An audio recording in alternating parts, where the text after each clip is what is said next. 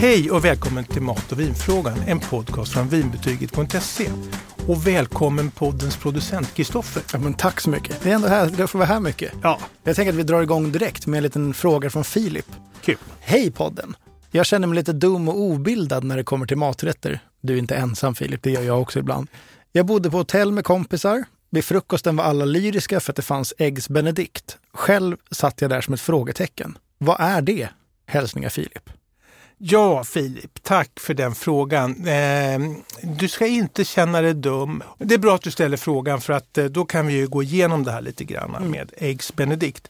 Eh, det är ju då en klassisk amerikansk frukost och, och branschrätt kan man säga. Eller brunch kanske man säger i Sverige. Säger du Benedict? Jag säger Benedict. Det där vet jag inte ens om jag har tänkt på. Men ingredienserna, Ja. det är, oavsett uttal, så är det, Exakt. eh, det är pocherat ägg, det är bacon, det är skinka, det är en toast och det här har bytts ut. Alla såna här klassiska rätter finns det lite varianter på. Någon har förändrat, någon kock har kommit in och gjort så här. Så det är en smörstekt toast och sen så är det då den absolut viktiga hollandaisesåsen. Hur skapades den här då? Ja, men alltså, alla de här rätterna som är klassiska, de har ju ofta en upphovsman och ibland har de flera. Det är flera historier som går isär och det är olika tidpunkter. Men den jag har, har fått höra, det handlar om en väldigt bakfull börsmäklare på, från, som jobbar på Wall Street. Han hette Lemuel Benedict. Och han, ehm, det här är alltså skiftet 18-1900-tal, han stolpar in på det anrika märkvärdiga hotellet Waldorf Astoria och liksom bara rädda mig, överle- han vill bara överleva. Och då i det här tillståndet som han befinner sig i, då vill han ha någonting som är lite fett, snällt och lent och liksom ger honom någon slags kraft. Och då börjar han räkna upp ett antal ingredienser. Och vilka är ingredienserna? Jo, men han får tag då i köksmästaren. Ja. Och de här köksmästarna på den tiden, det var ju liksom som små påvar. De var ju väldigt liksom, eh, viktiga och maktfullkomliga och folk bugade och de, de var liksom eh, stora eh, potentater. Va? Men han, han säger till den här eh, köksmästaren då på Wall Street att jag vill ha eh, eh, smörade toastar, roastade toastar. Det var ju liksom lite fett med smöret där. Va? Och sen vill jag ha pocherade ägg, va? det är snällt. Va? Och sen vill jag ha då bacon, det är salt med sälta. Och så vill han ha då toppen då, jag vill ha en skål med hollandaisesås. Det är allt man behöver. Ja, och de följde ju hans eh, önskan naturligtvis och kom tillbaka med den här rätten. Och köksmästaren han, han, han tänkte här är någonting. Det här är en rätt som vi ska börja göra här och börja prova och se vad gästerna tycker. Och den gjorde succé. Så den fanns sen på Waldorf Astoria då på frukost och lunchmenyer. Och det här att det var en hotellrestaurang. Alltså de finaste restaurangerna förr fanns och finns idag i vissa fall fortfarande i hotell. I Sverige har vi inte riktigt den men både om man säger i Frankrike eller om du tar alltså i Paris och New York och så vidare så är det där, då, där mat utvecklas. De har haft stjärnkrogar. och Just allt det. Och nu antar jag att den här är ganska populär över hela världen. Ja, du hittar den idag på hotell. Ofta ett hotell med lite ambition. Mm. För det här finns, det finns ju billigare och enklare rätter att Ja, för den är ändå lite fin, så att säga. Ja, den, dels, ja, eh, det kan man nog säga. Det, Ja. det, det är ju, I alla fall på namnet. Ja, sen så är det väl så att är du en, en vanlig frukostservering med, med liksom sån här gående, där man har en frukostbuffé, Mm. så ligger lite olika bröd, lite ostrar och lite grejer. Så här, det här är ju ändå en lagad rätt. Ja, det är lite bökigt. Och, Ja, det, det, det är ju något annat liksom. Mm. Men är det, liksom, är det svårt att laga Eggs Benedict själv då? Ja, Jag tycker du ska överraska din fru med det här. Mm. Inga Ja, men det, eh, du ska ju kanske veta att hon tycker om det, annars Ja. är det lite... Men det är egentligen inte många ingredienser. Nej. Och så det är inte så svårt. Däremot så är det två saker som är lite pyssliga vad det gäller temperaturer. Och det ena är att göra pocherade ägg.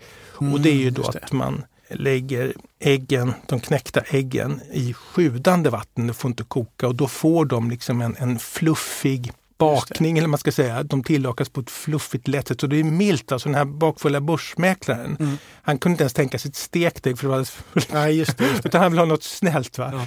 Så blir det här en mild smak, det omsluter ägget det här pocherade. Ja, det. Det är den ena pyssligheten. Mm. Då får man ta upp dem med en hålslev lite försiktigt ur vattnet där. Ja. Jag har försökt göra det någon gång. Det är katastrofalt. Men jag, jag ska försöka igen. Ja, och det är bara någon minut va? Så det går snabbt. och- Så man får vara liksom på tå där. Ja, ja, men jag ska återkomma med hur det gick.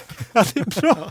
Sen så är det ju då med hollandaisesåsen. Och, Just det. och det är ju en emulsionssås. Alltså det är ju då saker som ska gå ihop. Mm. Och det, det är smält smör och det är äggula där också. Och det är ju då inte svårt egentligen om man har alla ingredienser rumstempererade. Just det, det är ju det som är nyckeln va? Ja, så att det inte ska skära sig. Att man inte tar kalla ägg från kylen eller sådär. Mm. Men jag tycker ju att man ska göra hollandaisesås, det är ett klassiskt recept som man har nytta av för man kan smaksätta den på tusen sätt. Ja, Och den är väldigt nära bearnaisen.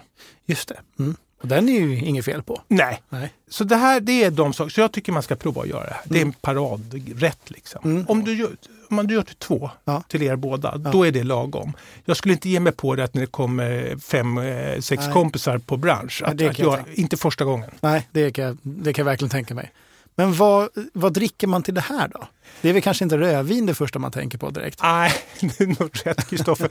Jag tycker ju att man kan ta, om man är sugen på klassiska drycker till eh, frukost, alltså te, kaffe och, och så vidare. Mm. Juicer och sånt. Finns det någonting som är liksom lite mer special då? Jo, men om du vill vara, vi säger din, din du kommer med frukostbrickan där och ehm, Vi, vill, vi slår på stort. ja, Jag det gör- är lördag och din fru fyller år dessutom. Ja. Då Okej, kan ju du göra positivt. en ganska elegant sån här champagnedrink, en mimosa till exempel. Det är väldigt gott. Ja. Det är sant. Champagne och juice. Ja, färskpressad juice helst. Ja, ja. Och det är ju liksom till den här Ex Benedict så är det superbra. Kan man göra en mimosa på liksom eller prosecco också? Ja, eh, du går alltså ut. Bubbel och gärna Ja, färskpressat. Ja. Men gärna ett gott bubbel. Ja, det, ja, det, det, det Ja, men juicen eh, döljer ju lite grann, men, men det är klart att det, det blir godare. Har man en, en mousserande favorit, oavsett om det är en champagne eller en, en, en cava eller Cap Classic från Sydafrika, så kör man det, Mm. tycker jag. Och sen finns ju varianter. Mm. Eh, om man vill göra en, en prosecco-drink så kan man göra en Bellini. Just det, vad är det för någonting? Det känner jag igen. alltså det har, jag vet att vi kan ha pratat om den podden. Den föddes ju då i Venedig på Harrys bar. Just det, ja men det känner jag Ja, eh, vi säger mitten 1900-talet, där, då hängde liksom celebrities där, Mm. skådespelare och kändisar och kungligheter. Då gick man till Harrys bar och då fick man en Bellini. Och det var en- en barmästare som hittade på den här. Och det är då pressade vita persikor. Vi har ju knappt vita persikor i Sverige. Nej. Och då, då finns de där uppe i Veneto, då, i den regionen. Och så pressar man dem. Mm. Och så blandar man ihop det med prosecco som är det lokala Mm. italienska vinet där. Och där går det bra med prosecco. Eh, det, Mm. det ska vara prosecco i grundreceptet. Eh, Jag testade och köpte någon färdig sån här eh, pressade vita persikor. Mm. Och den var jättekonstig färg, den var brun. Drinken blev, eh, inte, såg inget god ut. Nej, nej. Jag tycker nog man kan ta persikor som är mogna. Om man Vanliga, Ja, ja. absolut. Ja. Det är inte så noga, det blir gott. Ja. Kan man göra några liksom varianter även på Eggs Benedict då? Jo, du som är vegetarian, Ja. jag tycker ju att du ska testa en ägg florentin. Mhm. Och då kan du bara byta ut den här skinkan eller bacon mot spenat. Ja, men det låter ju som en... Och det blir jättegott. Ja. Eller så kan du göra då om, om du Om jag inte är vegetarian. Ja, men om du vill ha, inte vill ha då den här skinkan så kan du gå till havet och ta en, en, en rökt eller gravad lax. Ja. Mm. Och då kallar man det ägg royal. Ja. ja, men om vi ska fortsätta på spåret med matallmänbildning. Hur är det med till exempel caesarsallad? Mm. Ja, det kan ju låta som att det är Julius Caesar, Ja. eh, den gamla kejsaren där, som är upphovsman till den här salladen. Men det är det inte. Tråkigt ändå. Ja, det hade varit kul om han av alla människor hade hittat på den här salladen. Men han var nog mer för att kriga tror jag och, bråka i senaten och hålla på. Nej, men den här den är ju från USA precis som eh, Eggs Benedict och den då Alltså historien här är lite speciell också. Det finns flera varianter men den som jag har fått höra den, i USA var ju speciellt under förbudstiden. Mm. Man fick inte festa, dricka, spela. Alltså man försökte göra, lägga locket på för allt sånt här Mm. som folk ville göra egentligen. Mm. Så då poppade ju upp små alternativa ställen att åka till och, och, och, och slå sig lös. Och I Tijuana, eh, mexikanska gränsen där, Just. Mm. västkusten i USA, där blev det ett sånt här mecka. Va, med, det var kasinon och det var Mm. speak easy, så det var sprit och barer och tjo och tjim. Mm. Så då åkte man ju då från Los Angeles eller San Francisco, kanske till och Mm. med dit och eh, festade helt enkelt och hade kul. Mm. Och eh, Hollywood-skådisar och, och andra som tyckte att nu ska vi leva loppan. och där eh, föddes caesarsalladen. Okej, och hur då? Jo, den, han som hittade på den här, så här, han hette ju Caesar i alla fall, men han hette det i förnamn, hette det Cardini. Ah. Och han hade italienskt påbrå. Mm. Och han hade lite restauranger både i USA men även här i Tijuana. Man var tvungen att ha det för det var ju där liksom människorna kom och spenderade pengar. Ja, just det. Och det här är då 1924 tror jag. Mm. Han eh, håller på att stänga i stort sett och så kommer det in ett sällskap med lite stjärnstatus så här. Mm. Och de vill äta och skratta och är glada och, och så här. Och han, han, han vill verkligen kunna servera någonting men det finns nästan ingenting kvar. Alltså det, Mm. det är slutet på kvällen här. Mm. Och eh, han börjar experimentera med det han har kvar i, i, i skafferiet helt enkelt. Mm. Det här att han liksom får trolla med det man har. va? Mm. Lite gammalt bröd bland annat helt enkelt. Ja, Ja. exakt så. Han hade lite torrt vitt bröd Mm. och det fick bli då krutongerna. Mm. Det är det det kallas, de här man lägger ovanpå salladen. De Mm. kallas de här kuberna, krutonger. Sådana gjorde han utav det vita brödet. Sen hade han eh, lite ägg, Mm. så hade han lite vitlök och så hade han lite sån här worcestersås. Mm. Och det gjorde han en dressing av. Och så hade han eh, romansallad. Mm. Heter det så nu? Ja, de där lång, långa. Ja, och då bröt han blad och så la han det här på. Mm. Eh, och det var lite lime och lite olivolja i det här. Det, det, det, han öste ihop det här men mixen blev väldigt bra. Mm. Och så var det lite riven och parmesan också på det här, Mm. lite ost. Han var italienare. Och det här gjorde succé. Det kan jag tänka Det, mig. ja. Och sen har ju det kommit till då kyckling som man skivar och lägger Mm. ovanpå. Kanske med stekt bacon. Det finns ju också varianter på det där. Mm. Mm. Men det här spred sig. Mm. Att den här salladen var god så gäster kom dit och beställde den. Och nyckeln till det här egentligen var, precis som jag tjatar om att hollandaisen var eh, nyckeln till Eggs Benedict, Mm. så är då dressingen nyckeln, tycker jag i alla fall, till caesarsalladen. Ja, men det, det håller jag med om. Och den här Cardini, han var ju en affärsman så han började göra dressing och sälja på flaska. Smart. Ja, och sen tror jag hans dotter sålde det här vidare till någon sån här multimat Ja, just det. Just det. Mm. Och det är väl de vi har nu ja, Ja. på Ica. Ja, kanske, eller, eller i alla fall plagiat. Ja, exakt. Men mer än såsen då? Vad är det som liksom gör en caesarsallad speciell? Mm. Många rätter mår ju bra av att det finns lite kontraster i, i vad som är mjukt och hårt och så Ja. vidare. Va? Mm. Eh, vad som är fluffigt och vad som är krispigt och så här. Mm. Att det inte är bara det ena eller det andra utan Mm. vi tycker om den här mixen. Mm. Och det är ju det här brödet då och där har jag testat att köpa färdig påse och det kan jag tycka är fullständig katastrof. Eh, De är hårda, de är Mm. tråkiga och så vidare. Så ta bara vitt. Det här är superenkelt, det kan du göra själv. Ta formbröd vitt, Mm. skär i, kuber. Mm. Fjup, fjup, fjup. De kan vara liksom en centimeter, en och en halv eller något det är sånt inte så petigt. liksom. Nej. Nej. Och så ner med dem i en stor bunke och så tar man en god olja. Mm. Och så, så, Olivolja kan jag tänka mig, eller? Ja, Ja. och så rör man runt så att alla brödet suger upp. Mm. Sen gör jag dem där i ugnen. Så blir de gyllenbruna, då får inget os och sen så är de, när man äter så är de det godaste nästan. Ja, det är det. Det är fantastiskt gott. Ja, så det, det är superenkelt. Och här känns det mer som att det är ett passande med, liksom, med ett vin eh, till den här ändå. Ja, det, jag tror att det här är ju liksom en lunchrätt ganska ofta. Ja. Eller en lättare, du vet på sommaren, middagsrätt Ja, sådär. ja, Och jag tycker ju att eh, rosévin passar jättebra. det kan jag tänka mig. Ja, med lite smak. Sådär. Eh, och då så kan man egentligen ta ett rosévin man gillar. Ta Mm. sitt favoritrosévin. Det kan inte bli fel. Och vet man inte vilket man ska välja så finns det ju faktiskt ett avsnitt om rosévin. Ja, det gör det också. Ja. och så har vi en topplista på vinbetyg. Där finns ju de som har höga betyg också. Där kan man kika i olika prisklasser. Ja. Så det kan inte gå fel. Den pairingen, caesarsallad och rosé. Jag kan också tänka mig att vitt funkar. Ja, absolut. Och då eh, så kan man ta ett vin som är Vi har ju ibland, vet vi har pratat om chardonnay, att det är den druv, vita viner utav druvan chardonnay, de kan ju vara ett brett spektra. De kan vara fatlagrade och väldigt fylliga och så finns det de som inte är fatlagrade som är betydligt lättare. Och jag tror att man ska ha ett sånt. Mm, Och då finns det en del i Frankrike som heter Jura eller Jura. Mm. Côte Jura, eh, Jura. Och där är det lite alpigt och bergigt liksom. Mm. Där gör man torra, friska, härliga chardonnayviner Mm. som inte fatlagrade. Och det här vinet det heter efter platsen Côte Jura Chardonnay. Står det Jura stort på den där? Ja. Jag känner att jag har druckit något sånt var väldigt... så här ser det ut. Ja, just det. Det var nog en sån där tror jag. Mm. I så fall kan jag varmt rekommendera det. Helt enkelt. Eh, det kostar bara eh, 119 kronor. Mm. Och det är ett utmärkt eh, vin även till andra mm, typer där man vill ha vitt, liksom, Mm. som inte är Mm. för, för kraftigt. Nej. Men ändå, det finns ju ändå en, en viss eh, fyllighet. Ja. Och så brukar vi ju nämna då artikelnumret alltid. Va? Jajamän. Mm, och det här heter 2292. Men som vi säger, det finns ju också i avsnittsbeskrivningen Exakt. finns ju en länk till det här avsnittet Ja. där vi räknar upp det. Det finns ju några fler rätter med personnamn. Bland annat till exempel Wallenbergare. Mm. Finns det en story bakom det här också? Ja, det gör det. Det är ju ingen slump att, att det kallas för Wallenberg. Och det här, de andra är ju internationella storheter, men Wallenbergare det hittar vi nog bara i Sverige.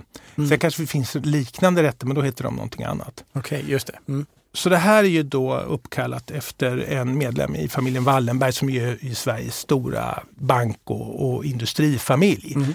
Jag tror att det är femte eller sjätte generationen idag som är Mm. verksam. Och eh, jag vet inte vad den här Wallenberg just som, vem, det finns två eh, alternativ som den är Mm. uppkallad efter. Mm. Det finns två stories här. De var, hade ju sitt ordspråk verka men inte synas. Va? Mm-hmm. och sen är man med i varenda svensk kokbok. På varenda restaurangmeny med den här. Men det, det är ju eh, ändå en rätt som är väldigt omtyckt. Så att det, det, Ja, verkligen. Ja, så att, Men det var inte helt planerat från deras Nej, det tror jag inte. Det var nog i, i, inte så. Det finns två tänkbara som kan ha fått den här rätten uppkallad efter sig. Det är Marcus Wallenberg som var stor bank och industriman i Sverige då. Han levde 1864 till 1943. Mm. Rätten kan ha uppkallats efter honom. Okej. Hur kommer det sig då? Gick han själv ut i köket och kavlade upp ärmarna och började steka någonting som han var sugen på? Eller hur liksom? Nej, det tror jag inte. Däremot så finns det en version att hans hustru, Amalia, kan ha gjort den här. Och hon tillhörde ju då en slags gastronomiadel i Sverige kan man säga. Hon var dotter till Charles Emil Hagdal Mm. som hade skrivit en, en kokbok som hade gjort succé. Han var känd läkare och gastronom och så vidare. Mm.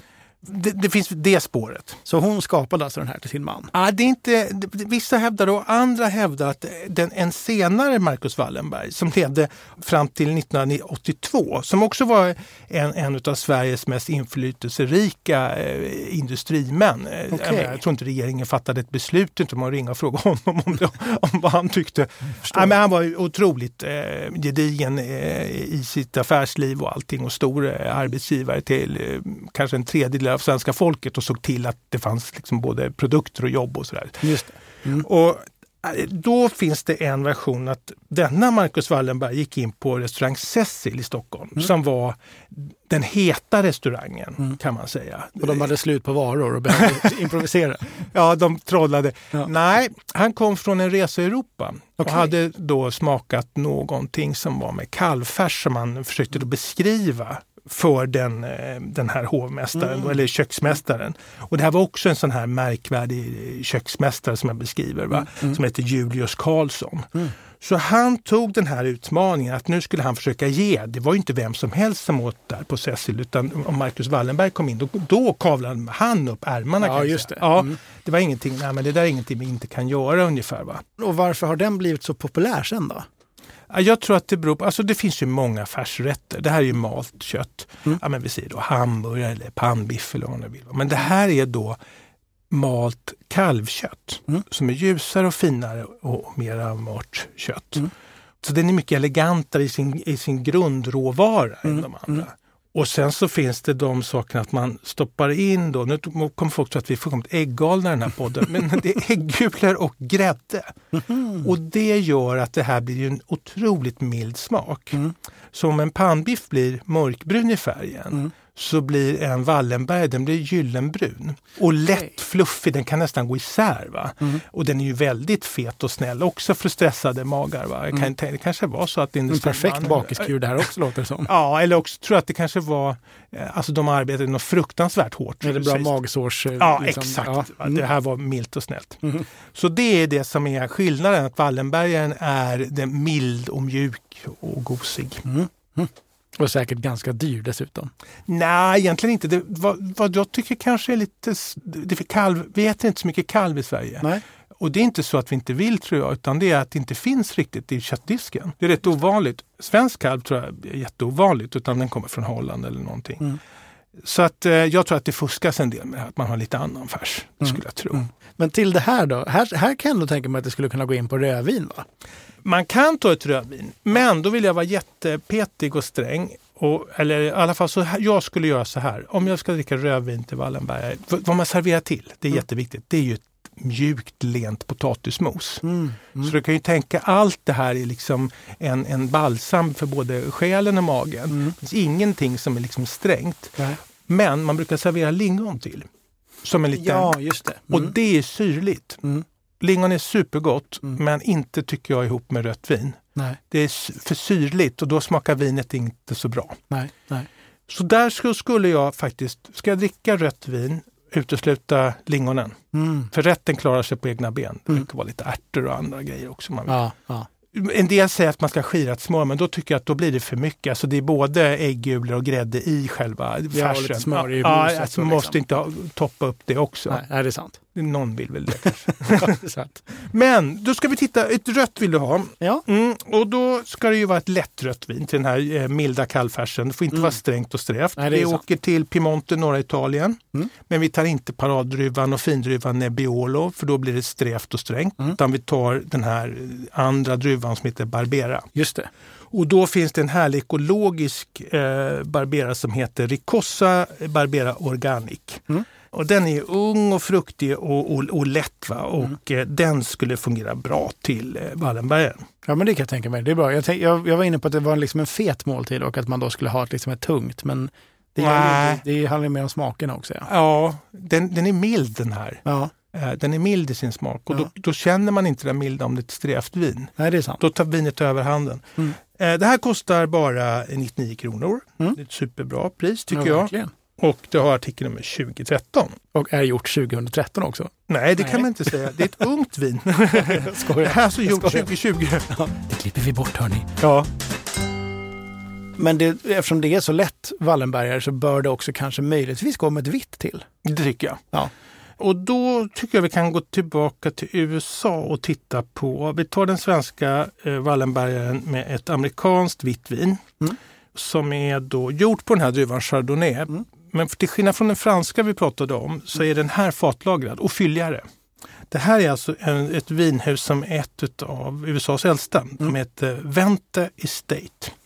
Och Vente Estate gör en Chardonnay som är utmärkt. Den kostar 145 kronor. Mm. Och den är fruktigt härlig och så finns det lite fat i den här så den klarar av den här eh, Wallenbergaren och moset och det. Mm. Och den har ett också trevligt artikelnummer 2027. Ja, det var ju Och det ganska, är inte ganska som likt. inte har varit än. Nej, precis. Nej. Ja, men okej, så det är ett lite fylligare vitt vin eller ett lättare rött vin? Ja. Mm. Om jag känner dig rätt så tänker jag att du sitter på fler stories av såna här liksom, rätter med namn. Eh, Så, så det, det ser jag fram emot i ett kommande avsnitt. Ja, och, eh, grund, men grunden är att det ska vara goda rätter, de sant. ska vara enkla att laga Ja. och att det ska gå att hitta goda drycker till. Mm. Det ska bli väldigt kul. Kristoffer, tack för idag! Ja, men tack själv. Och tack alla som har lyssnat. Tack alla som har lyssnat. Ja, vi hörs snart. Hej då! Ha det bra. Hej då! Har du frågor om mat och vin? Alla frågor är välkomna. Maila till mig på stefanvinbetyget.se